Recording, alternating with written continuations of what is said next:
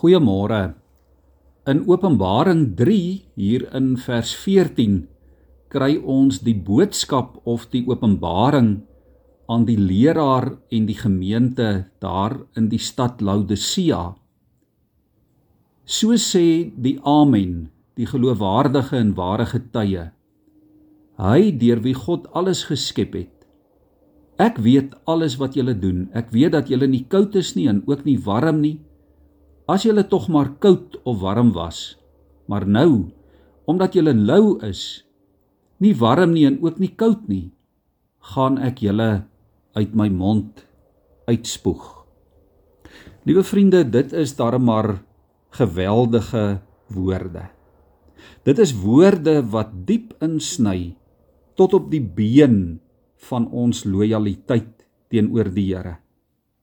Dit vlek ons toewyding, ons vlak van toewyding heeltemal oop. Iemand het eendag gesê ons mag vry wees om te kies. Ons is vry om elke dag van ons lewe keuses te maak. Maar ons is nie vry om die gevolge van ons keuses te kies nie. As 'n mens 'n keuse gemaak het, is jy en het jy nie noodwendig beheer oor die gevolge nie van daardie keuses nie, dan moet jy dit aanvaar. Die dag toe die Here of toe ons die Here as ons verlosser aangeneem het, was ons dalk vuur warm en aan die brand vir die Here. Miskien onthou jy so 'n dag of so 'n tyd of so 'n fase in jou lewe.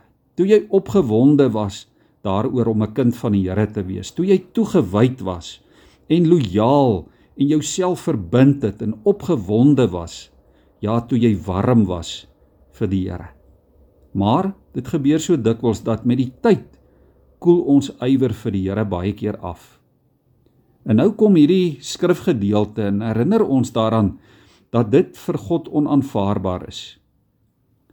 En om jou en my te help om vuur warm vir die Here te bly, is dit nodig dat ons 'n paar basiese dinge sal onthou en dit ook in ons geloofslewe, in ons daaglikse verhouding met die Here sal doen. Ons toewyding aan die Here gaan hand aan hand met hierdie vier basiese dinge. In die eerste plek moet ons tyd spandeer met die woord van die Here. Ons moet stilte tyd hou. Ons moet die Bybel in ons hand neem en dit lees, daaroor dink. Die tweede ding, ons moet gedurig bid. Ons moet volhard in gebed. Die derde ding, ons moet doelbewus vertel en getuig van die wonderlike dinge wat God in ons lewens doen. Vertel van God se goedheid in jou lewe. En dan die vierde gedagte.